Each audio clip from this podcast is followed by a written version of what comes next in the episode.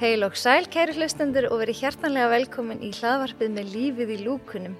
Hjá mér í dag er hann Gísli Gunnarsson sem er stjörnusbyggingur með meira og hann ætlar að fræða okkur aðeins um hvernig við getum haft áhrif á, eða hvernig við getum nýtt stjörnusbyggi til þess að e, hafa góð áhrif á helsun okkar. Verðið hjartanlega velkomin. Takk. Ef við bara byrjum kannski að spyrja hver er Gísli? Já, það er hérna, þetta er góð spurning af því að maður er alltaf einhvern veginn að komast meira og meira að því og mér finnst líka áhugaverð þegar hérna þegar þú veist að þegar maður spyrir sér fyrst, hver er ég þá segir maður einhvern veginn starfið sitt og þannig að hérna ég geti farið í, þú veist, ég er nöyt ég geti farið í vinnuna mína vinsu bókari, geti farið í er pappi, maki. Um, já. Gísli, öruglega bara ég bara frekar svona forvitin. Já, allir það sé, bara forvitin. Frekar bjart sín og léttur uh, svona kannski óþólandi bjart sín fyrir mörgum. Að hérna líti einhvern veginn alltaf á hvað lífi getur verið skemmtilegt og hvað allt sem gerist einhvern veginn er bara að takja verði vakstar og þannig að ég hérna já, ég óbúslega einhvern veginn gaman af, af lífinu, einhvern veginn almennt já Já, það er samlega.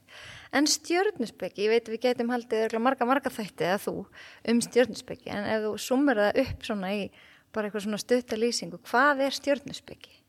Já, það er hérna ég hefur auðvitað svarað þessar spurninga endalist og aldrei náðan rétt það er hérna þetta er náttúrulega bara fræði til þess að hjálpa mann að þekka sjálf hansi og þetta er eitthvað sem að fyrir sumum einstaklingum er bara kjæftæði og öðrum einstaklingum svona aðjút er ágætt að hafa til líða við. Og, og svo er það einstaklingar eins og ég sem að já, trúa kannski bara á þetta í nánast einu öllu. Og þetta eru fræði sem að já, eru eitthvað tölvörskömmul en Mörg þúsund ára eða?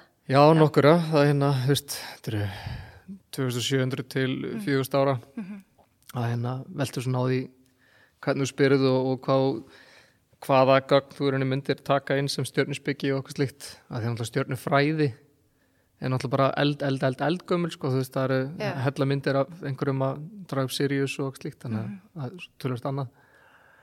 Þannig að hérna en já, stjörnusbyggi er bara þessi, þessi tólmerki þessar tólf í rauninni orku stöðvar eða hérna, þessar tólf orkur sem að skipta niður þá er henni bara upplifunum öllum allri orkunni sem er henni aðgengileg hérna í þessu lífi hjá okkur niður í, í þessi tólf, tólf í rauninni að, aðgreiningar Er það þá stjörnumerkin?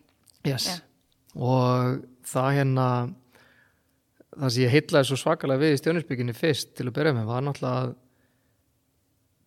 einstaklingar sem eru næmir á orku og þá er þetta ofta einstaklingar sem eru næmir líka á tilfinningar að þegar það er ekki allar tilfinningarnir, öll orkan einhvern veginn sett í bara einn bunga heldur, það er allir komin einhver aðgreining, það er komin aðskilnaður á þessar tilfinningar eru svona og það eru aðra sem eru hins einn og, og þetta til er þessu merki og orkan er þannig og þannig það hjálpaði mér bara óbærslega mikið að skilja bara orkuna sem að maður er að upplifa bæði í samskiptu við aðra og bara svona almennt í lífinu innra með sér. Þannig að já, ég er kannski búin að taka mjög langt svar í hvað stjórnisbyggin er en, en ég held að stjórnisbyggin er bara um, einhvers konar kerfi sem hefur hjálpað okkur að skilja orkuna sem er í kringum okkur og hefur áhrif á okkur. Er þetta þá lífsorka eða hva, hvernig skýr, skýrir maður orku? ég held að sé ekkit endilega neitt auðvelt að svara því. Um, að því að hún er mjög marg slungin um, ég held að orka sé eitthvað sem að við getum fundið og ég held að allir geti fundið orku. Um, það er bara mismunandi eftir í hversu meðvituð við erum á því hversu mikið við finnum eða hversu mikið við gefum því gaum að finna átt og grá ímslu um, orka er eins og nánast hérna í gömlu fræðan með talað um Guð og hann er einhvern veginn allt og allstaðar að, að orka í rauninni er það líka. Um, hún getur verið bundin í, í hérna sérst, líkama okkar eða bundin í, í orkuna sem við tölum frá okkur, veist, ég get talað í orðum en ég tala líka í orku, ég gef eitthvað frá mér. Ég get verið með góða nerveru eða slæma nerveru um, ég get verið með góða viðveru sem því að ég get verið við á staðinum hérna með þér í spjallinu. Eða ég er með hugan einhverstar alls annars þar og þá orka mig svolítið út um allt. Já, fjárverandi. Já, þannig að ég, ég tala rosalega mikið um orku og ég er rosalega gaman af einstakleikur sem að gera líka en þá veist mér lóksins geta svona tala mitt tungumál. Já, sko ég er bara svona tiltölulega nýbúin að kynnast þessu. Ég einhvern veginn, ég man ég fekk stjörnukort fyrir örgla 20 árum og las það en gaf því einhvern veginn ekkert andilega gaum og var ekkert að tengja við það og, og þannig.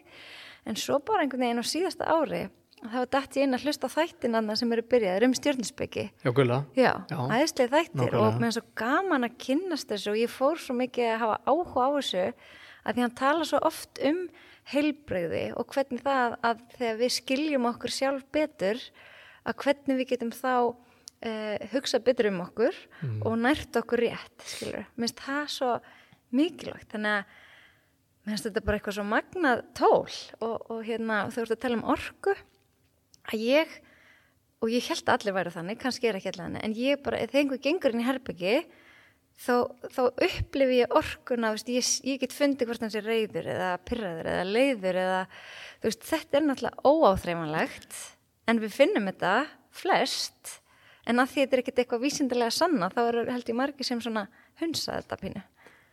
Já, og, og þú veist, núna til dæmis var ég bara að fletta kortinu örsnögt. Mínu? Já. Það er næðist að því að þetta að finna orkuna þegar einstaklega gengur inn í rými, þetta er eitthvað sem að, þú veist, þú er náttúrulega búin að lifa við alla æfi. Mhm. en, en eitthvað sem að hérna, já, við getum talað um kannski einn tólti eða, einn sjötta mannkynuninu getur upplifað. Ok, ég held bara allir, ger- allir, allir verða þannig. Nákvæmlega. Og þetta er líka svo skemmtilegt að fá einstaklega í lestur er að, er að sko, ok, stjónusbyggi er, jú, fjallar um orku.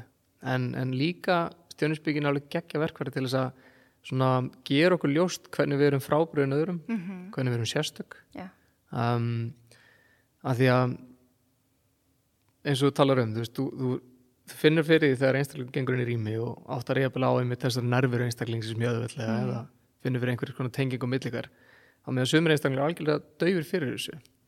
Og þetta er eitthvað sem þú ert eflust búin að nýta þér í genum lífið eða, eða notast við að einhverju leiti en með því að fá svona vissa staðfestinga á þessu gegnum með stjónusbyggina sem einhver segir bara, já, þú ert svona. Þetta er sérstættið þig.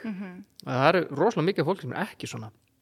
Að það er fyrst og fremst svona upplifun sem þetta veitir mér er svona eitthvað, já, vá, ok, cool. Ég er svona, svona ok, það, það er eitthvað að vera svona. Að vera svona næmur fyrir um eitt orku annara já, og þá líka ef ég er meðvitað um hvernig ég er að þá get ég líka nota það sem sagt nota það meðvitað og, og jafnvel vaksið í þeirri orku orðið sterkar í þeirri orku nota þetta þannig að ég þetta verði í einum af gjöfunum mínum eða hæfileikunum akkurat. Akkurat. Og stjörnukort, það er raun og veru staða plánetana akkurat sekunduna sem ég fæðist eða, já, eða eða einstakling fæðist. tekur fyrst andadrátt eða eitthvað Já, svoleiðis, ok, já. Og, og það, þessi svo orka hefur áhrif á einstaklingin. Er það ekki? Jú, þannig að Gulli til dæmis, hann lýsir þessu þannig að hérna að sólkerfi okkar er bara eins og ein stór klukka. Það sem að sem sagt jörðin er henni miðjan og svo eru sólin og tunglið og alla plánutunar henni bara ákveðni svona vísar á Ok. þessari risastóru klukku. Og ef við tökum bara klukku eins og í okkar sammyggjum á jörðinni þar sem að klukka núna er hvað, eitthvað kringu tvö að þá er öðruvísi orka núna í samfélaginu klukkan tvö heldur en eins og klukkan níu kvöld Mm Þess, það er miklu meiri eins og þess núna í, til staðar versus Já. klukkan nýju kvöld þá komið miklu meiri ró það er dimmt úti og okkur slíkt Já. þannig að mismöndi tími dagsins hefur öðruvísi áhrif á okkur að, að það er sérst breytilegt eftir í klu, klukkan hvað hérna dags það er sem orkan er þá vinna til staðar Já. og þá er einsinni með, með blessa sólkerfið nema vísanir eru að ganga sér satt eins og sólin, hún er ár eða jörðin er henni ár í kringu sólina en Já. út frá stjónisbygginu þá er sólin að fara Já, í kringum okkur um, og Plútó til dæmis 240 ár þannig að það er mm. sumir rosalega stóri ringir sem er að ganga í þessari klukku og aðeir eru minni mm -hmm. og, hérna, og, og þetta er allt saman breytilegt þannig að jú, sekundan sem þú fæðist hún segir alveg brjálæslega mikið til um hvernig þú ert mm -hmm. Var þetta oflókið? Nei, alls ekki, alls ekki. En ég bara hugsa um, að nú er ég ansbúin að vera grúski í þessu, þannig ég er svona skilaðins en þegar ég kom til þín í stjórnarkortalestur þá fannst mér þetta svo mikið upplýsingum að því að maður hafði ekki alveg svona grunnþekkinguna. Þannig að ég held að sé svolítið mikilvægt aðeins að skilja kannski fyrst stjórnumerkin og allt þetta. Mm -hmm. en það sem ég fann svo áhugavert er að við erum ekki bara stjórnumerki okkar heldur hefur svo margt áhrif. Veist, við erum með eitthvað í tungli og eitthvað í hérna, Já, Venus og Mars og Pluto og... Þetta eru sólun og tunglið og, og tíu aðra plánitur Þannig að hérna, þetta eru tólf sagt, já, orkustöðvar mm. og síðan eru henni tólf uh, stjórnumerki já. og hérna, og það er náttúrulega bara mismund eftir því hvar að raðast hversu mikið af orkunum þetta er, sko. Akkurat. Þannig að jú, þú getur, getur verið að þú er með sjö virk stjórnumerki, en, en orkan í hinum er samt alveg lifandi í þér. Já, já, já. Einmitt. Æ, þú veist, maður heyrir eitthvað, veist, þessir krabbi þessu og þessu og þessu þú veist, þrefaldur krabbi ég, ég, Já, nú er ég að tala eitthvað svona mál sem ég kann ekki alveg. En, en það þýð þá kannski að maður er svolítið mikið sannsagt enginni þessa stjórnumerki sem er það ákveðin orka. Já, hún er þá rosalega sterk í þér. Já, Já. Mm -hmm. Þannig að þú veist eins og krabba orkan það er bara orka þessara móðurástar þess að vilja hérna hlúa að og, og hérna og veita stöðning og, og umvefja og vilja svolítið, þú veist, þetta er bara eins og vöka blómin, þú veist, maður vill bara hjálpa þeim að vaksa mm -hmm. og ef þú er með marga plánutur í því merki þá, með, þá er mikil orka að kalla á þig til þess að sinna slíkuri orku, þess að það gefa slíku orku frá þér mm -hmm. þannig að, þú veist, einstakleika sem eru með starka grápa orku, þeir eru þar alveg enda oft í einhvers konar umönnumstarfum eða eins og sem kennarar eða eitthvað slíkt mm -hmm. Þannig að hérna og, og, og þar að leiðandi koma þú veist, kemur það svolítið að, að fólk pælir einhvern veginn meira í þú veist að þú sért einmitt með sólina þín í krabba. Um, en, en svo náttúrulega spilar hitt alveg brjálæslega mikið inn í Það verður með sólina í krabba, það er stjórnumerkið mitt. Það er stjórnumerkið þitt, já. já, eins og ég er nöyð en, en svo eru rosalega mikið af, af öðru sem að mínum að ég spilar ennþá meiri og stærri rullu. Mm -hmm. og hérna og það er svo sem persónabundið undir hverjum stjórnusbygging sem er sko en, en hérna en, en það er rosalega mikið margt annað sem er miklu meira djúsi og skemmtilegt Já, þannig að sko til dæmis bara varðandi heilsuna og bara reyfingu, er það kannski bara mismunandi reyfing sem hendar einhverjum í mismunandi stjórnumerkjum eða er ekki talað um líka frumefni? Jú, frumefnin, jú. Ef ég er vatn þá hendar kannski ákveðin reyfing mér og ef ég er eldur þá er einhver annur reyfing sem hendar mér. Þetta er svo áhugavert. Þetta er mjög áhugavert. Það er hérna veist, og, og einstaklingar sem eru með til dæmis mjög ok, þetta er sko, hver eru frumöfni, við byrjum bara það frumöfnin eru fjögur Já, jörð, loft, eldur og vatn mm -hmm. og það sem að mér finnst ofbúslega áhugavert við stjórnusbyggina og, og, og okkurunni sem manneskur mm -hmm. er ég trúi því að, að ég og þú þráttur að stjórnukortun okkar séu mjög ólík að við séu samt ofbúslega lík sem orgu verur -hmm. bara allir einstaklingar já, já. Að, að allir einstaklingar þau þurfa svona, ef við förum meðalkurvina álíka mikinn svefn mm -hmm. við þurfum álíka mikla næringu mm -hmm. þurfum álíka mikið, þú veist, afirinu öllum þessum grunnþáttu sem einhvern veginn snúa heilbriði yeah. hins vegar og veist, eins og heilbriði getur líka verið að, hérna, að nærast félagslega næla með algjörlega og hérna og gera það sem maður vill í staði fyrir að, pæli hvað er vilja og veist, þetta er, getur verið á svo rosalega mörgu sviðum mm -hmm. en ef að ég til dæmis með rosalega mikið af plánutum í jörðu þá er ég rosalega meðvitaður um líkamann og þar alveg er ég líkleri til þess að sinna líkamannum að mörgu leiti okay. um, ef ég er með rosalega mikið af uh, plánutum eins og í eldi þá er með rosalega mikið orgu mm -hmm sem þýðir að það er líklega að ég fari þá í líkamlegt eitthvert að djöblast á hjóli eða út að hlaupa eða eitthvað því að mm. það bara er svo mikil orka einar með mér að ég þarf einhvern veginn að koma þessu út í útrás. Og hvaða merki eru í hverju frumöfni? Uh, í eldinum er það hrúturinn, bogamæðurinn og um, uh, ljónið ja. og síðan í jörðinni þá er það nöytið, mejan og stengitinn taka listan Já, endilega, Já, bara það, ef fólk er að hlusta og vil kannski eitthvað reyna að tengja við Endilega, já, í loftinu þá er tvíburinn, vaspurinn og bógin og síðan í vatninu þá er það krabbin, sportreikinn og fiskurinn. Þannig að krabba, sportreikar og fiskar eru þá tilfinningamerki, vatn eru tilfinningar. Uh, eldur er, er orka, áhugi, um, það þarf alltaf að vera skemmtilegt og, og svona svolítið í núinu. Þannig að hérna, já, einstaklinga með mikið af eldi eru með mikla orku og hlutinni þurfa að vera skemmtilegi, þau þurfa að áhugaverðir, áhugasam, veist, já, veist eins og ef ég var íþróttakennari og ég var með rosalega mikil eld, þá var alltaf rosalega mikið að hamagangi í mínu tíma. en svo kannski eru bara einstaklinga með brjálega mikla eldin sem myndu elska þann tíma. Þannig að mér finnst líka áhugavert að, að hérna mér, mér finnst við einhvern veginn sem manneskjur einhvern veginn gera svolítið, að ganga svolítið út frá því að allir eru eins og við sjálf. Já, en, eins og fóreldra gagva börnunum sínum. Að, að þú veist ég hef gott af þessu þá hefur þú eru gott af þessu. Og, og hérna og þess vegna er líka ótrúlega fyndið að einhvern veginn að ganga inn í inn í líkansættastöðvar Erlendis þar sem það eru þú veist stórar borgir og þú fer að hitta jógakennar þar. Og einhvern veginn á einhverjum ástæðum þá eru rosalega margir af nefndunum eiginlega bara alveg eins og kennarinn.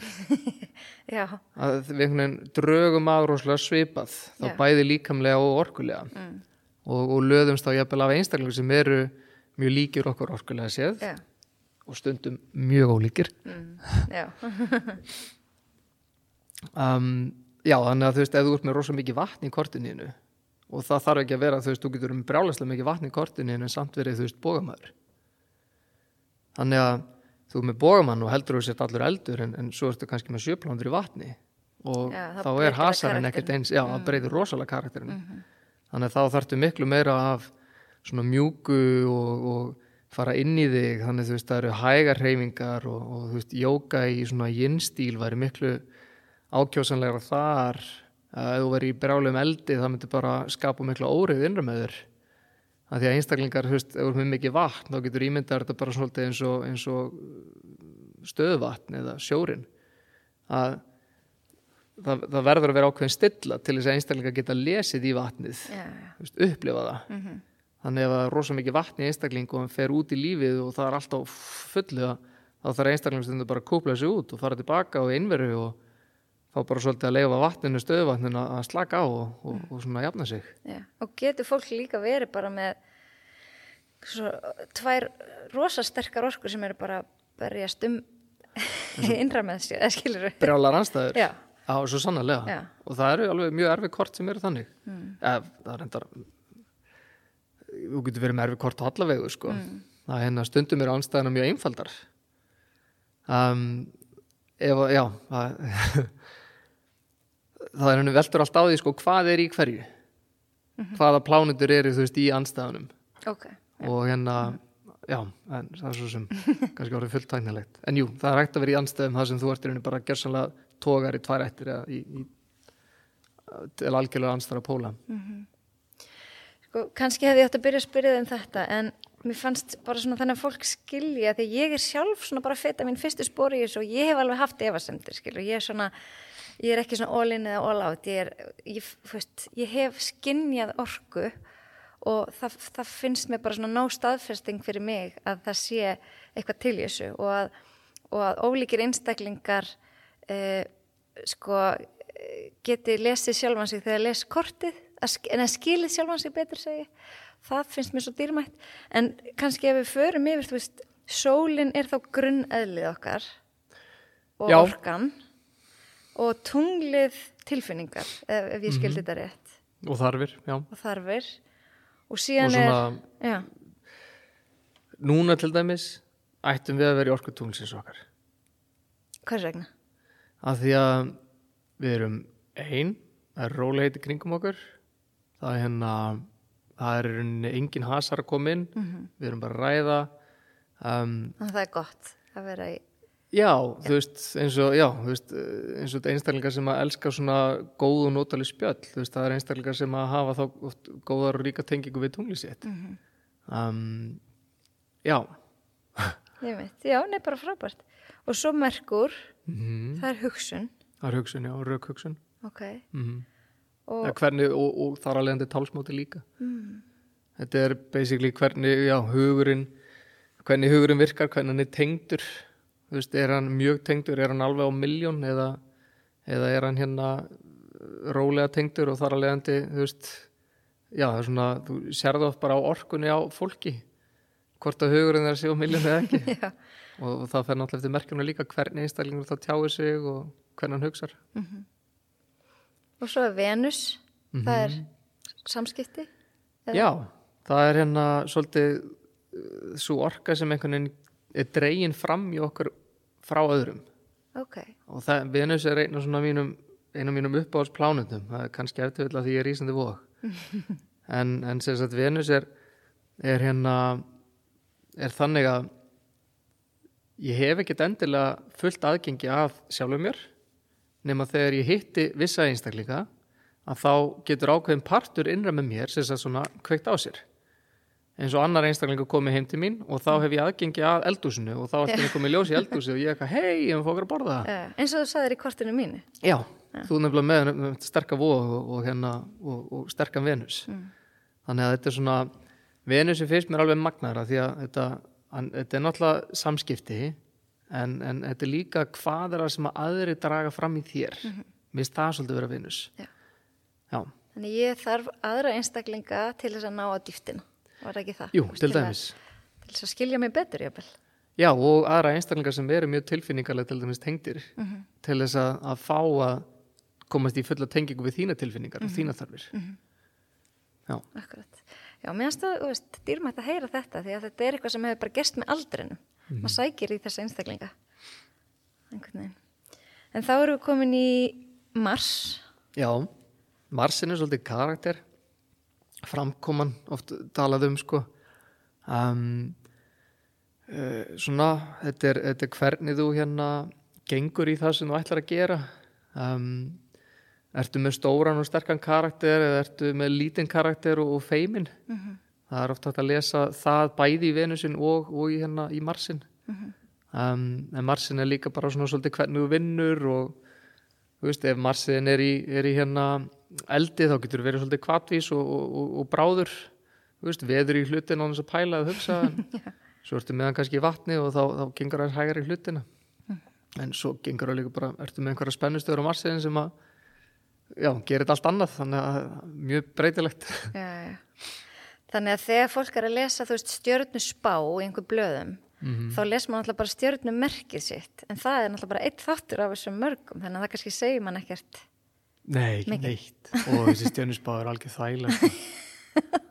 Það er eiginlega sorglegt að það hafi verið það sem að einhvern veginn náði fótvestu í samfélaginu sko. Uh, að því af svona ég svona persónulega sem stjörnusbyggingur er alveg minnst hrifin af öllum spátumum já, ég ætla að lít miklu meira á, á stjörnusbyggina sem tækifæri til eða svona verkfæri til þess að kynna sjálfum sér til vakstar miklu frekar en eitthvað að spá í framtíðina já. Þannig að sumum finnst kannski stjörnu speki, uh, svona eins og þú varst að segja, bara bull, af því að stjörnu spá er eitthvað sem þeir tengja við stjörnu speki. Já, mér finnst líka stjörnusbyggi algjörð bull Mér finnst það En samt trúur á þetta allt og, eða svona, Nei, þú veist, þessi stjörnusbyggi Já. sem er tengt við samfélagið já, já, já, já, þannig. þessi já. spá og, og hérna og oft svona hvernig fólk nota stjörnusbyggina Mm. já, hann er svo mikið svona hann er algjör meja eða svona, jú, það, það alveg getur verið margt í því og sumir eru næmir og, og hitt alveg naglan á höfu stundum en, Mm. en hérna, en mér veist líka alveg óbúslega mikið af svona um, mistúlkun og, og einhvað Mhm. í gangi þannig kannski ætti fólk það sem það getur tekið úr þessum þætti, eða þetta er alltaf stutt, að kannski kynna sér hvaða frumefnið það er, Mhm. af því að það skiptir svolítið miklu máli líka bara hvernig við erum í samskiptum við aðra og hvernig við sko ölum upp börnin okkar. Ef, að við, ef barnið okkar er annað frumefni en við, þá þurfum við að skilja það. Já, og einmitt, þú veist, ertu, veist, ertu með rosalega mikið lofti, þetta er eins og, ég var um að tala með það í morgun, bara, ertu yðnaðmaður og ertu í lofti? Er það ekki iðnaðarmenn- gott, Nei, þú veist, yðnaðmenn bara eru oft einir, Mm. Og loftið þarf fólk. Já, loftið þarf fólk, Mhm. þú veist, þannig að þú eru mikið, mikið loft í kortinu, þá þarf að vera í, á vinnustæði allavega í fjölskyldu þar sem það er bara mikið af fólki og þú getur fengið að, veðra hugsanir þínar og, og, og hugsa og heyra annara sko bara á daily, daily basis Mhm.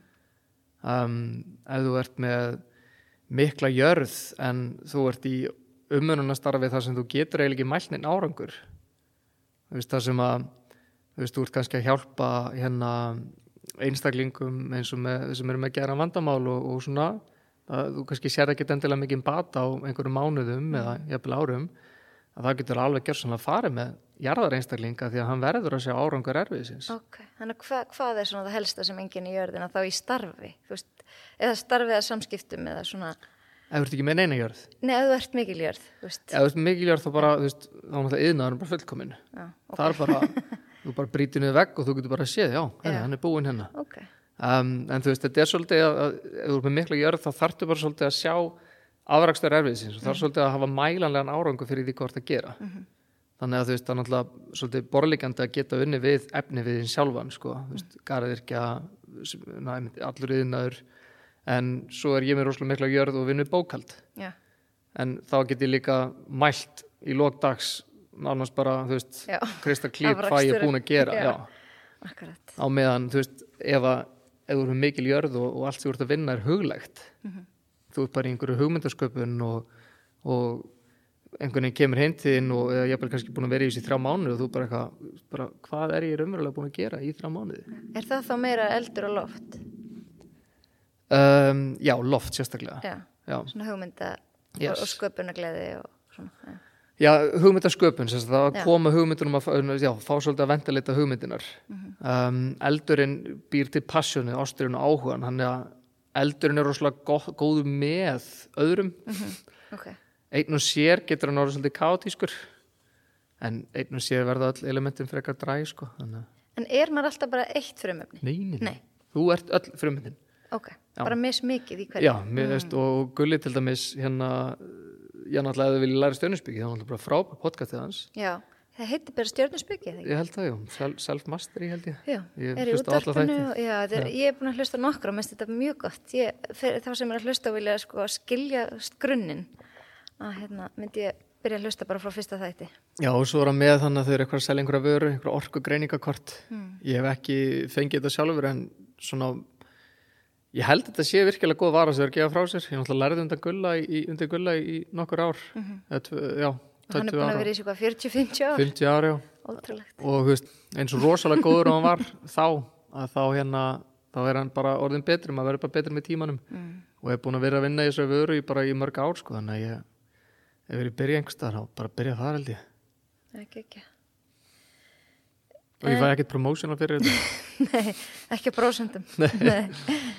En sko þessi þekking sem að við getum einhvern veginn öðlast í gegnum að lesa stjórninkortið okkar hvernig getur hún gagnast okkur svona í segjum bara í samskiptum við aðra?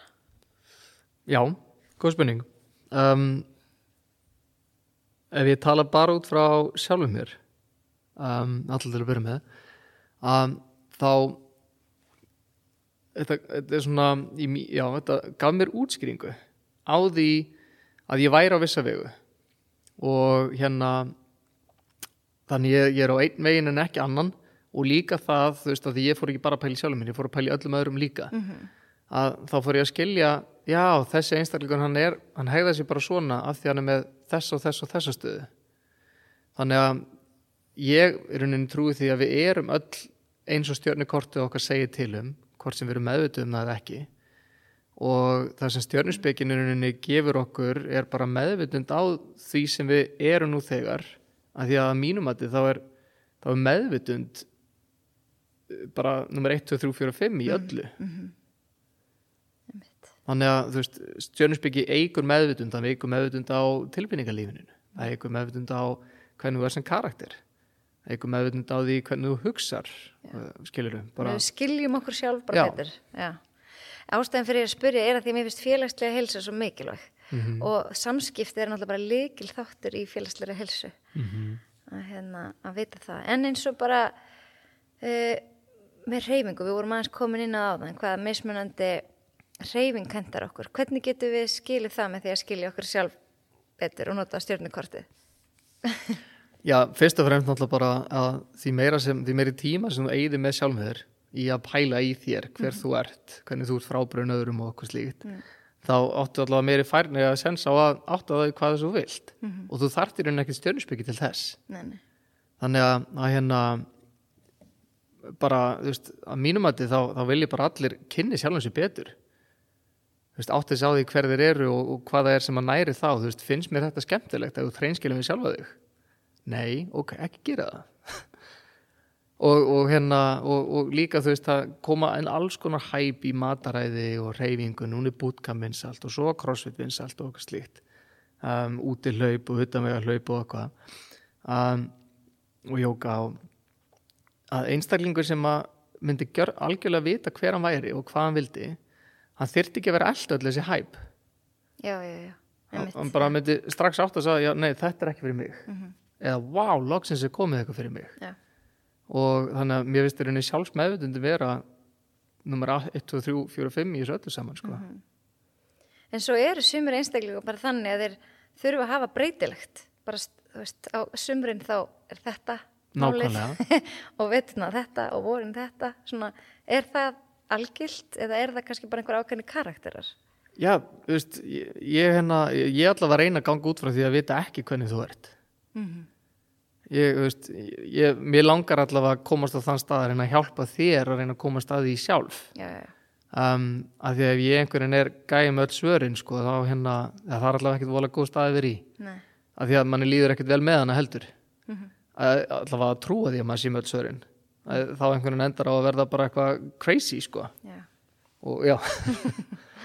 Þannig að ég veist, að, að einhverjum aðstofa fólk við að, að átta sig á því hvað lætur í líða vel.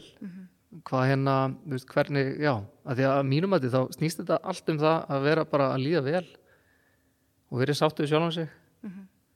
Og stjörnusbyggi frábært verkværi til þess að hjálpa við það en, en líka svo rosalega margt annað. Er flókið, að þú þú ert búin að svo lengi þessu, en er flókið að sko, ef einhver ætla bara að leita stjórninkortinu sínu, veist, þarf maður alltaf að fá einhvern til að hjálpa sér að útskýra kortið? Eða getur maður lesið það bara sjálfur og skilið sér til gags? Það eru náttúrulega ótrúlega mikið af öppum og vefsíðum og einhverju sem að, að veist, í fyrsta lagi getur þú notast við eins og vefinn sem ég nota sem er þá astrotheme.com þar getur þú bara fengið stjörnukortið þitt um tíman Já. Og þar getur þú fengið útlistun á öllum mögulegum þáttum sem er í kortinu þínu. Og síðan getur bara frá Google. Þá bara stendur Sun in third house. Googlar það. Og þú farið, þú veist, 200 vefsíður með lýsingu á því hvað er að vera með sól í þriðhúsi og þú getur lesið 5 og svona, að ég tengi við þess og þá lestu þá vefsíðu. Og Svo eru þær ekki allar að segja það sama? Nei, að því að sko, sko stjörnuspeki er það, það er kannski að flokna við stjörnuspekin eins og til dæmis þegar Plútó var tekin út úr stjörnufræðinni var ekki lengur pláneta það var alltaf í norðin dvergpláneta. Að þá hérna þá voru svo mikið af stjörnuspekingum sem að voru bara eitthvað, ha, býtu virkar ekki Plútó lengur, býtu hvað með, ég, veist. Þannig að tilfinningin þeirra innra með var ekki nógu skýr á það að finna fyrir orku Plútós sem gera verkum að, að þau myndu vita að þrátt vera einhvers vísindamæður declassifyar Plútó að þá breytir það einhver með orku þess. Nei, nei. þannig að að mínum að þá finnst mér sko stjörnisbyggin er einnig bara þessi orka. Og síðan erum við öll einhvern veginn sem stjörnisbyggingar margir og svo eru náttúrulega bara til killeræði sko sálfræðingar og gæðlagnar sem að þegar þeir lýsa því sem við þurfum í samskiptum þeir eru bara að lýsa orku vogarinnar og til dæmis krabbans eða eitthvað slíkt án þess að vita að þeir eru að lýsa þessum tveimur orkum. En, en hérna þannig að við erum, við erum öll rosalega næmörg og, og, og þurfum ekkert að vera stjörnusbyggingar eins og ég segi stundum við fólk, þú ert stjörnusbyggingur án þess að vita það. Mm. að því að þú talar í þessum álíka orðafóra þú ert með rauninni tilfinningu fyrir þessum í rauninni hólfum án þess að vera búin að skipta þessu upp einhvern veginn huglægt. Þannig að um, þetta er orka þetta er orka sem við, við skinnjum getur fundið og upplifað og því næmari sem þú ert tilfinningalega því held ég næmari getur verið í að finna þetta allt. Og, og þá er einstaklingur sem er að skrifa um hvaða er að vera með sól í þriðihúsi það er bara innri upplifun af því að hafa talað við kannski vonandi hundra einstaklinga með sól í þriðihúsi ok, og þeir sjá eitthvað, einhverja, svona, það er einhver líkindan á milli og, og finna fyrir orkunni í þessum einstaklingum. og húsin er eitthvað sem við erum ekki búin að ræða Nei, nei, nei, ok, tökum Nei, bara fyrir en- sóli í já, sportreika, já, Já. ég bara hugsa um þú veist án þess að missa fólk. Nei, ég var svona líka því ég var að hlusta fyrsta skipta á hlaðvarpi, ég hugsaði bara, guðum góður, um hvað er það að tala? En þá byrjaði ég bara að hlusta þátt eitt, þarna í þessu stjórnspeki og smám saman fór ég að skilja. en samt ennþá land í land. Já, ok, þannig að tökum bara, eins, þannig að bara nákvæmlega sér sæðin ef bara sportreiki, þú veist, bara sóli sportreika. Þannig að ef þú lest, þú getur, náttúrulega, þú fer í sóli sportreika, þá getur þú fengið örugglega sko 500 síður eða 1000 síður. Já. Það er stjórnumerkið. Já, það sem einhver er að lýsa því og aftur, aftur þá er henni bara myndi ég að þig til þess að lesa þanga til að þú finnur eitthvað sem þú tengir við Þú veist, eitthvað sem að, að því að þá er einstaklingurinn að lýsa orku því við erum öll að gera það, við erum bara að lýsa orkunni sem við finnum Mm. Og þá er hann að lýsa orkunni sangvænt sjálfum sér. Og ef þú ert lík þessum einstakling Þá speikla maður sig. já, þá getur þú skilið hann. Þannig ég getur að vera að tala um stjörnusbyggi við ímislega einstaklinga og þeir hafa ekki hugmynd um hvað er að tala um. Nei, en svo hitt ég annan einstakling og þau eru bara eitthvað, wow, þetta meikar allt sens. Já, akkurat. þannig að það er líka, þú veist, sem stjörnusbyggingur að þá náttúrulega bara, ég veit ekki auðmýgt óbúslega mikilvæg að því að, að átt að segja einhvern veginn á, þú, þú nærður ekki til allra Mm og, og það er kannski bara ekkert endilega þeitt starfa ná til allra Nei, nei, nei, akkurat. Vi, við getum ekki óskað eftir útkominni, við erum bara að segja, þú veist, hjálpa fólki með að hérna, að- hvað sem að leiðbeina, já, reyna það allavega Nei. En ég glemdi hún alveg að spyrja, hvernig veist, kom til að þú byrjaðir í þessu og fegst áhuga á þessu? Já, um, sko, fyrstu kynnin eru að ég einhvern veginn rata, ég veit ekki að hverju inn á síðu sem heitir Kaffi Astrology, slæð hann upp eitthvað um fæðingartíma sem mamma hefði sagt mér og þar er listað upp sem sagt, uh, sem sagt uh, lýsingar. Kaffi Astrology, Er þetta mörg ár síðan? Já, já, já, þetta er örgulega alveg 15 ára síðan, hvað er 15? Já, örgulega 15 ára síðan. Um, og var bara eitthvað, holy shit, þetta er klikkað og var að segja einhverju vinkunum mínu frá þessu og við flettum með kortun hennar og hún var bara eitthvað, þetta er alls ekki ég. Nei, þetta er nú algjör kjaftaði. Nei, ég er alls ekki svona og, og einhvern veginn og, og þá einhvern veginn bara drap ég þetta alveg. Það var nú, ok, þetta er bara eitthvað ég að vera voðalega eitthvað svona sjá mig í þessu þangar til að ég hitti síðan Gulla þegar hann kemur í jógutímin og hérna og spjalla við hann eftir á og hann sem sagt já, fyrir eitthvað að sko kortið mitt og segir þannig að svona vissu hluti sem að bara já, ég var bara gjörsanlega gottsmakt einhvern veginn. Tengdir vel við? já, þannig að ég náttúrulega bara eigði öllum næstri viku sko bara í að einhvern veginn googla í stjörnusbyggi og, og vonast eftir að Gulli kom aftur í tíma sem hann gerði. Og þá var náttúrulega þúsund spurningar á hann. Mm. og svo einhvern veginn gekk þetta þannig hann kom alltaf í jókatímin og, og ég fekk að spurninga og svo fórum við einhvern veginn að hittast og svo fórum bara að kenna mér og það en- einhvern veginn byrjaði þetta Já. svo bara var ég alltaf að leysa í kort hjá öllum sem ég hitti, þú veist, ég var bara svona algjörlega obsessed þannig til ég fekk fyrstu skilabóðin um bara, hei, hérna vinkona mín hún vil koma til þinn í lestur Mm. og þá bara, eh, ok ríkti gulla, hérna, hvað finnst þér um þetta já, rukka bara fengur skall, sjá hvað gerist Já. og já, þannig byrjaði þetta Frábært. og það er náttúrulega oftast þannig þegar maður hef- hefur svona beilaslega mikinn áhuga og eldum að fyrir einhverju að það, þú veist, þá gerir maður það vel af því að það er bara það er bara það sem að, er svona, já, bara passion og þá það er skemmtilegt. Já, líka þetta var náttúrulega að því að sko ég held að stjörnusbyggi sé rosalega góð fyrir langt flesta bara að pæla í sjálfum sér. Og ég held að þannig byrji langt flesti svo, þú veist, þau eru fóreldra þá kannski fara að pæla í börnunum sínum og jafnvel makanum. Og svo er það, þú veist, svo var það bara svona ákveð, ákveðin ákvörðin sér að taka bara, ok, er ég að fara þú veist, læra allt að því að mér langaði náttúrulega ekki bara að skilja mig og mamma og pappa og Írisi systur og mér langaði bara að skilja alla. Þannig þá, veist, þetta var svona já, þetta var alveg tíma út einhvern veginn og svo bara sagði já og þá bara fór maður í það einhvern veginn að bara hranna inn bara upplýsingum og bara þvíli sem maður þurfti að taka inn að þetta er náttúrulega svo marga breytilega stöður og mismunandi þættir sem maður þarf að huga og já, til eitthvað formlegt nám í þessu? Já, það er eitthvað í bandarækjunum sko. Mm.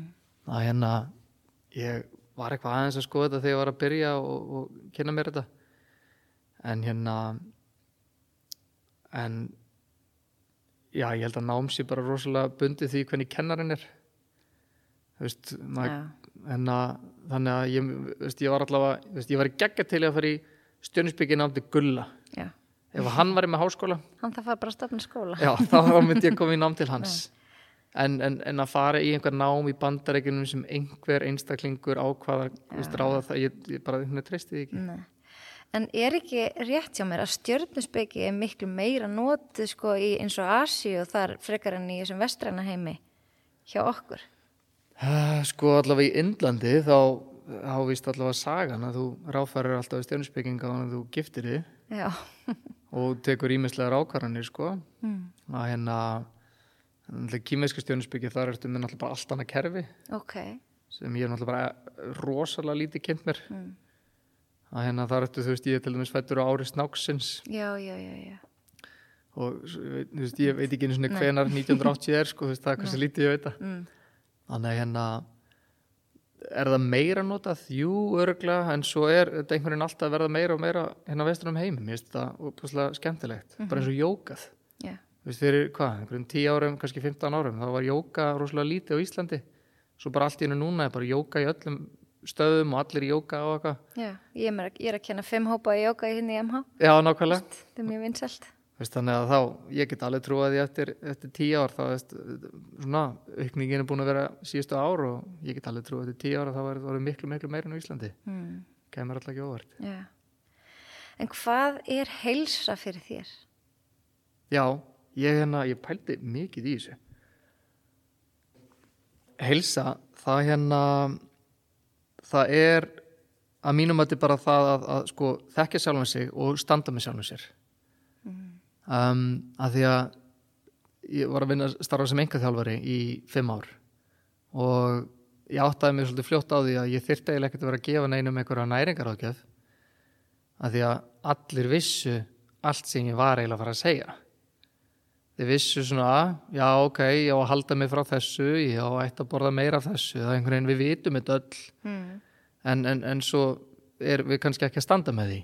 Það vita allir að við eigum að sofa í cirka 7-8 tíma þannig að, þú veist, ég, og, og eftir því sem að ég er komin lengur inn í stjörnusbyggina og veit ég að ég þarf á viss mikið af fjárlæslegum samskiptum að halda. En ef ég einhvern veginn gerir það ekki þá líður mig verð og, og það smittur út í annað og þú veist, ég veit að ég er mjög tilfinningaríkur og ég þarf að fá tíma með einn með sjálfum með til þess að áttum á því hvernig mér líður og veist, við vitum ótrúlega mikið um okkur sjálf veist, ef, að, ef að við getum nánast komið með hverjum einum einstakling bara niður og bla bara skrifa hérna bókum sjálfa við gætum gert merkilega mikið held ég Mm. um, en, en svo er aftur á móti hversu vel við stöndum með því Já.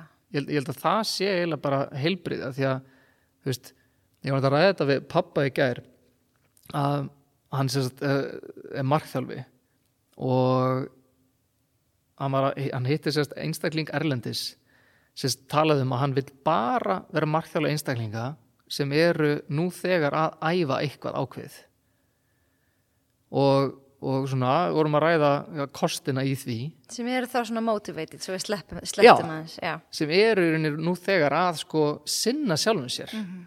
Að því að þú ert með einstakling sem er að sinna sjálfum sér. Djúvill gaman að vinna með þeim. Að þeir eru nú þegar að þessu Mm. og þú getur bara stutt við þá. En að fá einstaklinga til þess að sinna sjálfum sér þú veist, gera það sem þeir vita þeir ætti að gera. Mhm. að, að hérna, það er heilbrið fyrir mér að þú getur notað þetta öll svið lífsins. Já. og, og í stjörnusbygginni þú þú getur komið til mín í lestur og, og ég hef kannski hitt naglan á höfuði með, með suma hluti kannski einhver einn punktur sem bara svona, vá, þetta var magnamæður ok, ég ætla að pæli þessu en svo getur rosa mikið komið inn eins og það er allt í einu óþægilegt að nánast vita þetta um sjálfa þig Já. að þetta kalla líka á kannski breytingar Mhm. og breytingar eru ókvænlegar eða, eða ég þarf allt í einu að, taka mig tíma frá fjölskyldunni en, en ég get ekki beðið eigimannin um að fá að vera ein þú veist, á kvöldin, þannig að ég geri það ekki veist. þannig að flækjunar eru náttúrulega bara svo svakalegar Mhm. þannig að hérna heilbriðið þá líka er náttúrulega bara að sko taka sjálfan sig í sátt og, og sitja með tilfinningunum sínum og átt að sá því þú veist af hverju get ég ekki þetta sem ég langar og, og pæli þessu þannig að þú veist þetta er náttúrulega rosalega mikið að pæla og velta vöngum og spekla í öðrum og tala við hvernig mann er líður með fólki og ég er rosalega mikið tilfinningagur. Ég þarf alltaf að segja allir hvernig mér líður. Já, þannig vil ég þetta. þannig sko. þannig ég, einhver, en, ég, ég, þú veist, það er náttúrulega meðalega sem ég er að skaffa öllum. Já, eins og ég talaði um veist, við gerum öll einhvern veginn það sem aðrir við höldum aðrir þurfa saman við. Já, já, og ég er einhver betri skiljum Akkurat, en ég trúi því að við löðum að okkur fólk með svipaða orku. Vist, við gefum frá okkur einhverja tíðinni eða ég veit ekki hvað maður kalla þetta. Mhm. og það bara einhvern veginn. Er svona, eða kannski löðum við okkur fólk sem við þurfum. Er það kannski þannig frekar? Ég, mér líkar allavega fyrri útgáðan frekar. Já, það er hérna að því að hinn getur verið hættuleg. Mm. að því að þá getur fengið einhvern fáiðin í lífið þitt og þú ert alltaf að reyna að lesa geðið mikið í skilabúðin af hverju hann komin í lífið þitt eða skilur í þessum já. spirituál fræðum sko maður mm. sé allan fjandan um, en að þú laðir að fólki sem er í þinni tíðinu mjög svona, mjög, það mjög jákvæð pótla að líta á lífið Mhm. eða hvað, með, hvað veist þér? já, jú, bara skilja sko En mér finnst alltaf gaman á að tala er um að standa með sjálfum sér og, og af hverju við, við gerum ekki það sem við vitum er gott fyrir okkur. Að því að nú er ég heilsumarkþjálfi Mhm. og ég var akkurat með svona vinnustofu í gerkveldi og það var svo gaman að þú veist, það sköpust svona smá umræður og svona og, og akkurat þetta, þú veist, eins og ég sagði við þau, þau vita ég allt sem ég er að segja eins og þú veist að segja veist, einhverju púntar kannski sem er svona nýjir, en svona flest vitum við hvað er gott fyrir okkur og hvað er ekki gott fyrir okkur. En það er bara akkurat þetta að koma sér að stað og síðan halda áfram. Mm. þú veist, þetta consistency þú veist, nú er ég svolítið mikið að sletta í dag en það vantar eitthvað svona gott orð fyrir það á íslensku en bara halda þetta út, þessi þrautsegja Já og, og náttúrulega sko þrautsegja uh, consistency uh, orðið, sérst, þetta, er, þetta, er, þetta eru orð sem ég tengi við orku nötsins ok, og hérna og orka nötsins um, ég, ég líst henni á, á, á þessu tímabili hérna orka nötsins er henni orkan sem þú fæðist í. Bara algjörlega glæni í úrmóðu kviði mm. Það er, það er orka nötsins í, í sinni tærustu byrtingamind af því að merkin sem sagt, þau eru í anstæðum sérst, það eru tólmerki og, og svo eru sérst, hvert merki á móti öðru og hérna þannig að það eru sex anstæður Mm skilur við hvað það er við? Já, Já.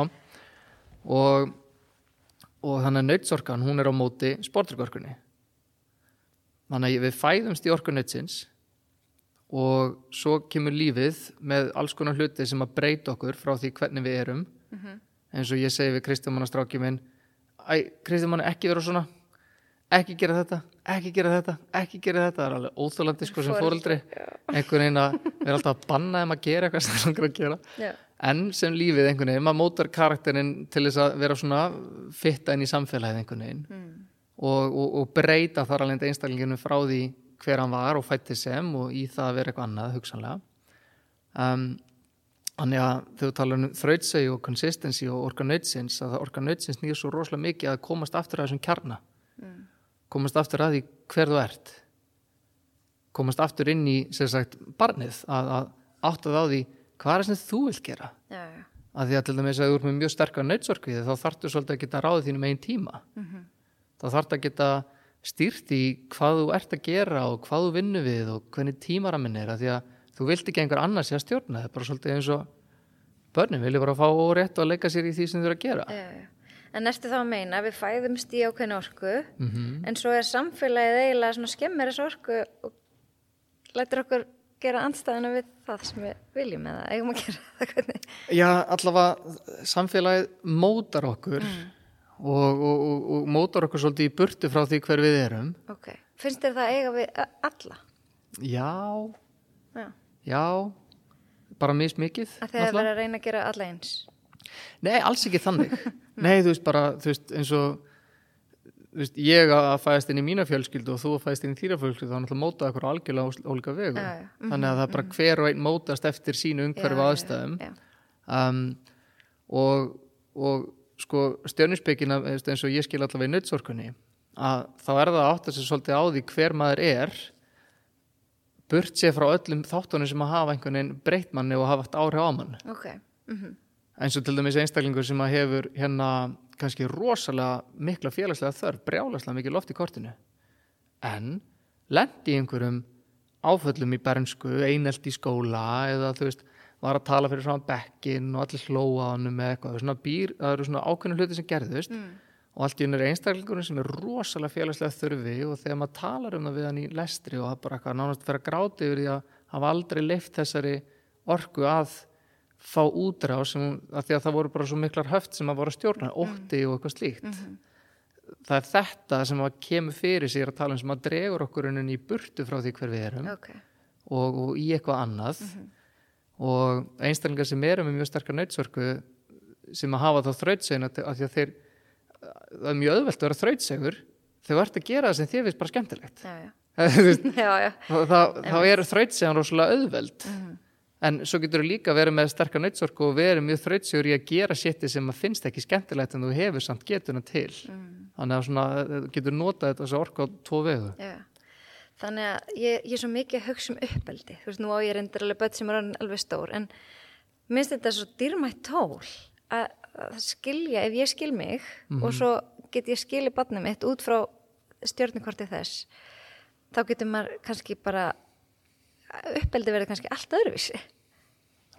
Já, ég held að alveg orðið allt öðruvísi því á yfirleitt elur maður barnið sitt upp frá því sem maður lærði sjálfur, eins uppeldi, eða þá andstæðan af því að þú upplifir hvað þú vildir ekki og þú vilt koma þá því áfram. Já, ég er allavega rosalega þakkláttur fyrir að hafa stjörnusbyggina svona til hliðar sjónar sko þegar það kemur að eins og Kristjánum hann að stráknum okkar. Mm. Það er hérna, þú veist hann er með fjóra plánundur í rút, rosalega skapstór og, og hérna og, og, og þrjóskur og veit alveg hvað hann vill og hérna og, og getur verið svo sterkur í að veist, koma sínu vilja á framfæri að við mamman sko bara erum bara að stendur bara okkur, okkur tökum ekki þennan slag Já, baby boss. Já, einmitt baby boss og skiljandi stjörnukortið hans líka eins og skilja tunglið hans hann er með tungli vaspera sem þýðir að, að hann sem sagt þú getur, hann er sko tveggja og, og hálsast þegar við gáttum útskýr fyrir honum af hverju vissar hlutir eru og hann getur, þú veist, var í tilfinningum Mm. og svo náði ég sambandi við hann og náði að tala við hann og þá gæti ég útskýrt allt hvað er að gerast þannig að hann gæti skilið það og þá gæti hann stýrt tilfinningunum sínum. Ó, ef þú ert með tungli sportdrega bara gangið vel að reyna að róa barnið í tilfinningastormi með einhverjum orðum. Bara ekki, ekki séns. S- vitandi að þú ert með barn sem er með þá stöðu þá líka áttar á því það þetta bara virkar ekkert. Og, og þessi einstaklingur hann þarf svona aðstæður þegar hún líður illa eða Já. Hann er mér veist þetta svona það hjálpar svo rosa vel. Já. En nú er ég bara, dett mér allt í henni hug því að þau voru einhvern tímann að tala um að orkan geti verið í yfirsnúningi og undirsnúningi. Mm en af, þegar hún er í yfirsnúningi er það bara ofverkni eða þú veist kemur það fram í sem yfirsnúningur eins og í uh, hrúts og megiorkunu og jafnvel tvíburorkunu, það getur verið komið mjög öðvöldlega fram í ofvirkni. Mm. um, að því að sko yfir, yfirsnúningur þá já nákvæmlega, orka hvað er þetta? já, Yfirsnúningur er, er þegar sérst, orkan er orðin of sterk, hún er orðin of mikil, þannig að hún, hún er að detta svolítið úr jafnvæginu. Þannig að eins og meiorkan, og, og þá er ég bara að tala um orkuna en ekki sérst merkið. þetta, er, þetta, er, þetta er orkan sem að leitast til þess að stýra hlutum, af stjórna öllu. Henni stjórna sérst af, af ótta en ekki af trausti. ok Þannig að ef ég stýri öllu, þá líður mér vel. Þannig að ég vil ráða hvernig allt er gert. Þannig að ef að orkan fer í, í sérst hérna orðið sem notar yfirsnúningi, já. að þá, hérna, þá verður of mikið af því.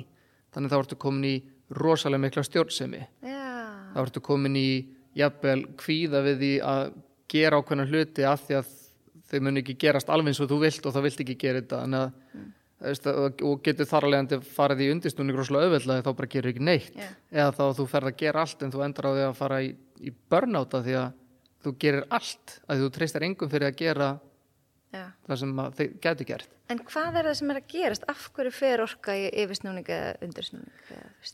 Það er náttúrulega endalisar ástæði fyrir því Já. En er það að því að við erum ekki að sinna og næra þessar þarfir eða? Allavega næra einhverja þarfir innum okkur. Eins og hérna ein, ein, ein vinnu pappa sem er innamæður hann, hann er með sérst með, með tjáningarorkuna sína loftið sitt á, á yfirsnúningi af því að hann er í vinnu sem hann fær ekki nægilega mikið að tala. Já, já, já. þannig þá hleðst orkan upp hann fær ekki nægilega útrás fyrir það. Þannig að þegar í rauninni hann hittir einstaklinga eins og pappa þá bara talar hann linnulust í þrjá tíma og það, maður kemst ekkert að það er til dæmis loft í yfirsnúningi Já, ok.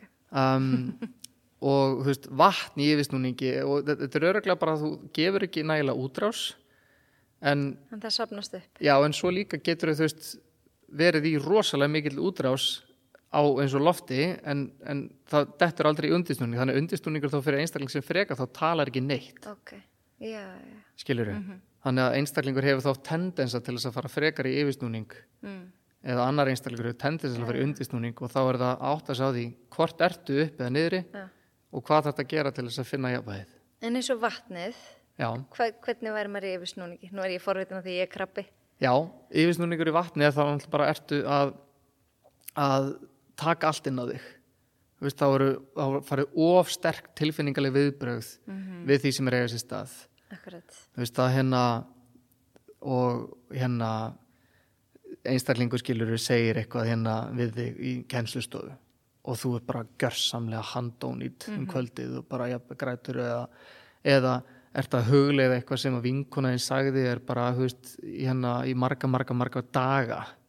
Að það er líka annars sko, sumir halda að hugsun sé bara loft. En, en vinkunaðin getur sagt eitthvað við þig sem særi þig og þú ert að í þessari tilfinningu í marga, marga daga Mm. að það var í rauninni vatn og yfirsnúninga þegar það í rauninni bara stoppar ekki Já. prósessið Ok. um, eins og einstaklingur yfirsnúningur og vatn eru til dæmis einstaklingar með PTSD Áfallastreitur. Já. Já. af því að þá bara þá kviknar á vatninu bara búm, búm, búm, búm bara við minnstu atvik Ok.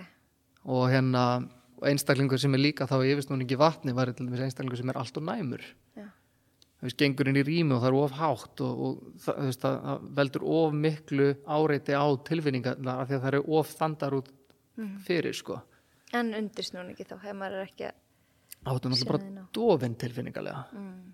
þú veist, þá ertu óagengilegur þú veist, það er það kemst enginn að þér þegar þeir eru að tala þú, það sloknar á þér þegar einstaklingar fyrir að tala um tilfinningar eitthvað inside spaced um, þú gengur inn í aðstæður áttar þig enga veginn á hvað er að gerast í kringum þig að þessi einstaklingur er ekki góðu fyrir þig veist, það er veist, þegar einhverjum er svolítið úr takti. Mm. vatnið er svona hversu mikið tengingu þú ert við aðra. Já. og hérna og þá náttúrulega sjálfa þig líka. Og þegar vatnið er lítið þá ertu í lítilli tengi við sjálfa þig eða jafnvel lítilli tengingu við aðra Og fyrst við erum búin að hefja þessa vegferð, kannski að halda áfram með eldin, eldur í yfirsnúningi og undirsnúningi. Já, eldur í, í yfirsnúningi er náttúrulega bara einstaklingur sem að hérna veður úr einu í annað. Veist, það er bara það er action non-stop. Það er bara alltaf að vera að gera eitthvað. Og hérna einhvern einstaklingur sem er alltaf á önum. Og þú veist, þú sér nána sko orkan þeirra hún er svona hoppandi sko. Bara eins og skopparabóti sem stoppar ekki um, á meðan undirstúningi að hérna að þá er þetta einstaklingur sem að þú veist eh, lífið er bara svona algjörlega mundane. Veist, hann er aldrei að næra sig af áhuga, veist, hann er ekki að læra neitt, hann er ekki að fara út á lífið, hann er ekki að skemmta sér, það er engin skemmtun eða gleði til staðar. Á meðan, þú veist, yfirsnúningur er bara wow, lífið er veist, og það er bara einhvern veginn, það er eins og þau tali og, og hugsa á miljón, sko. Við þekkjum mörglu öll einhvern svona einstakling.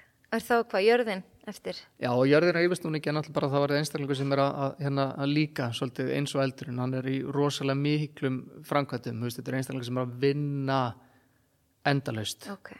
um, veist, stoppa er rauninni ekki af því að sko eldurinn getur verið þá einhvern veginn getur verið á þönum út um allt en, en eins og einstaklingur í heimahúsi það var einstaklingur með mikla jörð sem að bara getur ekki stoppa að taka til Já, ok.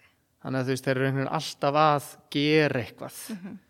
og hérna einstaklega sem að kunni ekki að hætta að vinna og bara einhvern veginn eru svona vinnualgar og eitthvað slíkt, það er svolítið jörðin í yfirsnúningi Mhm. í undisnúningi er það náttúrulega bara svolítið framtaksleysi þú veist, þú gerir lítið Mhm. uh, átt að gera eitthvað, átt að skila einhverju verkefni en það er svo erfitt það er svo æ, þú veist, einhvern veginn svona bara miklar einhvern veginn, all, all, allar gjörðir einhvern veginn fyrir þér sko. Já. Þannig að til þess að fara ekki í hennan yfirsnúning og undirsnúning, þá er það bara raun og veru, við þurfum bara að skilja okkur.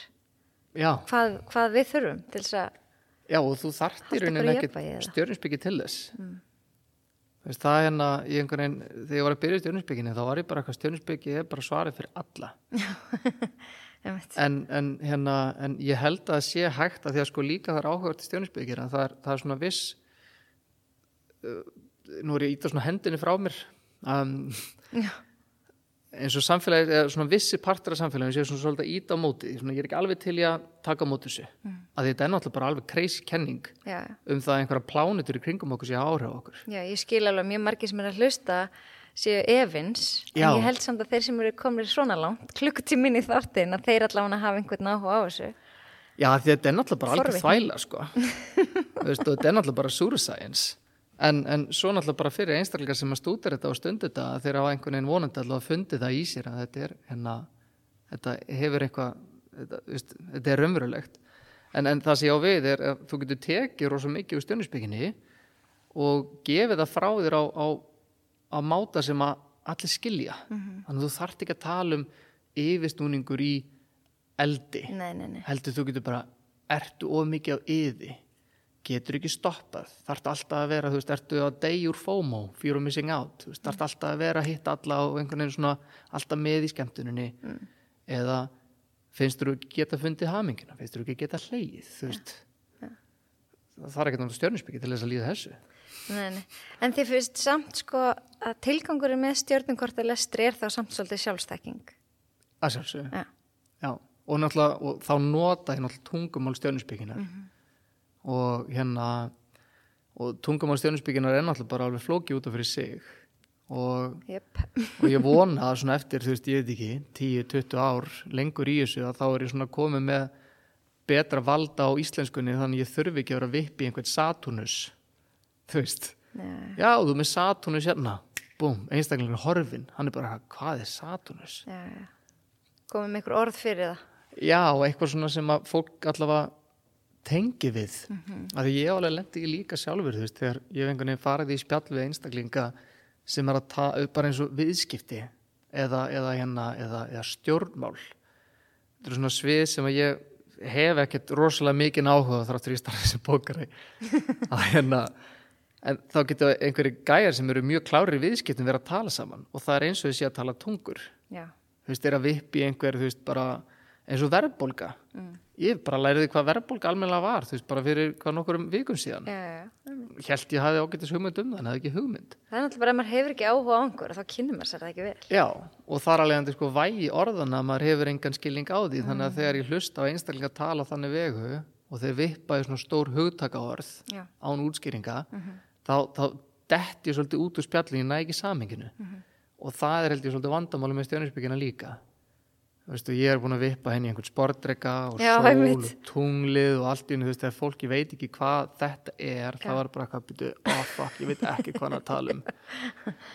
Einmitt, mér fannst mjög gott að þú varst sko að ég var með á upptöku þegar þú varst að lesa fyrir mig stjórnukorti því að þegar maður kemur heim þá man maður svo lítið.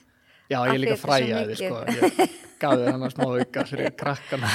En þetta var ótrúlega áhugavert og, og það sem satt mest eftir hjá mér var einmitt þetta að sko annað fólk er líkillin að minni dýft Mhm. og þetta er eitthvað sem ég var ekki alveg búin að átta mig á og, og þetta er samt svo rétt, ég tengi á til að við þetta. Þannig að ef ég vil kynast mér betur þá ger ég í gegnum samtöl við aðra. Já, og þú veist, þess vegna náttúrulega tekur maður þetta upp að því að það er ákveðin, sko, ég get með því að taka þetta upp, þá fæ ég að tala um aðeins meira.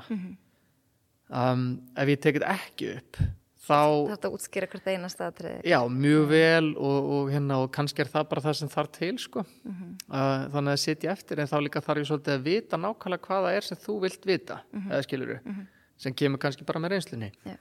en hérna en, en líka þú veist ég hef alveg fengið skilabóð frá fólki bara eitthvað, wow, ég var að hlusta upptökun í sjötta skiptið. Og þá heyrði ég þetta. Og, og, og þetta er nákvæmlega sem ég þurfti að heyra þá veist, þannig að einhvern veginn Já, geggja. það maður getur nýtt þessar upptökur og ég náttúrulega, ég sko tek upp allt. Og er með bara veist, listan á upptökum úr veist, öllum miðilsamtölum sem ég farið í og eitthvað svona því að veist, ég er bara eitthvað keirið til agurir í fimm tíma og bara ok, ég ætla bara að hlusta þessa gamlu upptöku og þessa gamlu upptöku Já, gaman. En bara þetta er búið að vera mjög áhugavert og gaman að kynnast einhverju svona nýju og mér langar náttúrulega bara að sko fara öll svið sem hafa áhrif á helsun okkar. Já, minnst ekki ekki Og, og eftir að hafa kynst þessum þáttum þarna um daginn um, um stjórnusbyggi þá sá ég bara svarta hvítu hvernig við getum haft á, jákvæð áhrif á helsun okkar með sjálfstekkingu og hægt að nýta þá stjórnusbyggina í það. mm -hmm, meðal annars En, er eitthvað sem að, við erum að gleyma að fara yfir, eitthvað sem þú vilt nefna í lokin eða? Nei, nei, þetta er bara hérna, þú veist, ef að fólk hefur áhuga á þessu að hérna, að ekki, já, kannski það, ekki trúa öllu sem þú heyrir, Mm ekki taka öllum vefsíðum með öllum stjörnusbyggingum trúanlega, um, ekki taka mér trúanlega, þú veist, ekki taka gulla trúanlega, þú veist, bara, Takk Þetta til einn það sem að, já, þú veist, þetta eru fræði máli. sem einstaklingurinn í rauninni, að því að, sko, já, má ég taka smá? já, bara endilega. Ok, þannig að megi orkan, þessi stjórnsemi sem ég var að tala um, þetta er sérst orkan sem að vísindi byggja rosalega mikið á. Um, þannig að það er allt, það er allt að sanna. Það er allt að sína fram á. Sem sagt, það er búið að prófa þetta mjög rosalega oft og, og þar alveg er þetta svona, sannað, stimpillin komið. Já, Anstæðan með megi orkan er fiskaorkan sem að er þá sérst, einungist það sem er hægt að finna og skinja og þetta er sérst, þá innsæð okkar. Og stjörnusbyggin er bara þar. Já, emmitt. hún er ekkert í orku meginar þannig að það einstaklingar geta lært um stjörnusbyggi þú veist, ég get lesið mér 20 bækur og verið ókslega góður í stjörnusbyggi í gæsalöpum en, en ef ég hef bara hugvitslega skilning á stjörnusbyggi þá er ég samt bara að lesa það sem aðra er að segja Já, já, þú skinjar þá ekki. Einmitt. þannig að veist, þegar, þegar einstaklingar hafa áhuga þá á stjörnusbyggi að að velja þá bara svolítið af veist, þann sem þú fílar Mhm. að því að sá einstaklingur er þá vonandi að upplifa þetta á einhver svipa mát og þú já, og, og ef það er ég, ef það er Gulli ef það er einhver John Stewart út í bandaríkunum, bara geðveikt. Bara það sem hjálpar þér. já, Já, nákvæmlega. Aðeinslegt. Bara takk enn og aftur gísli fyrir að gefa þið tíma til að Já. koma og deila þessu með okkur. þetta er mjög gaman takk, takk Ég hveti ykkur öll til þess að íta á follow, fylgja hlaðvarpinu, hvort sem það er á Spotify, Apple Podcast eða öðrum streymisveitum. Þá fáið þið tilkynningu þegar næsti þáttur fyrir loftið og endilega, ef þið eru á Instagram, að fylgja heilsuerla.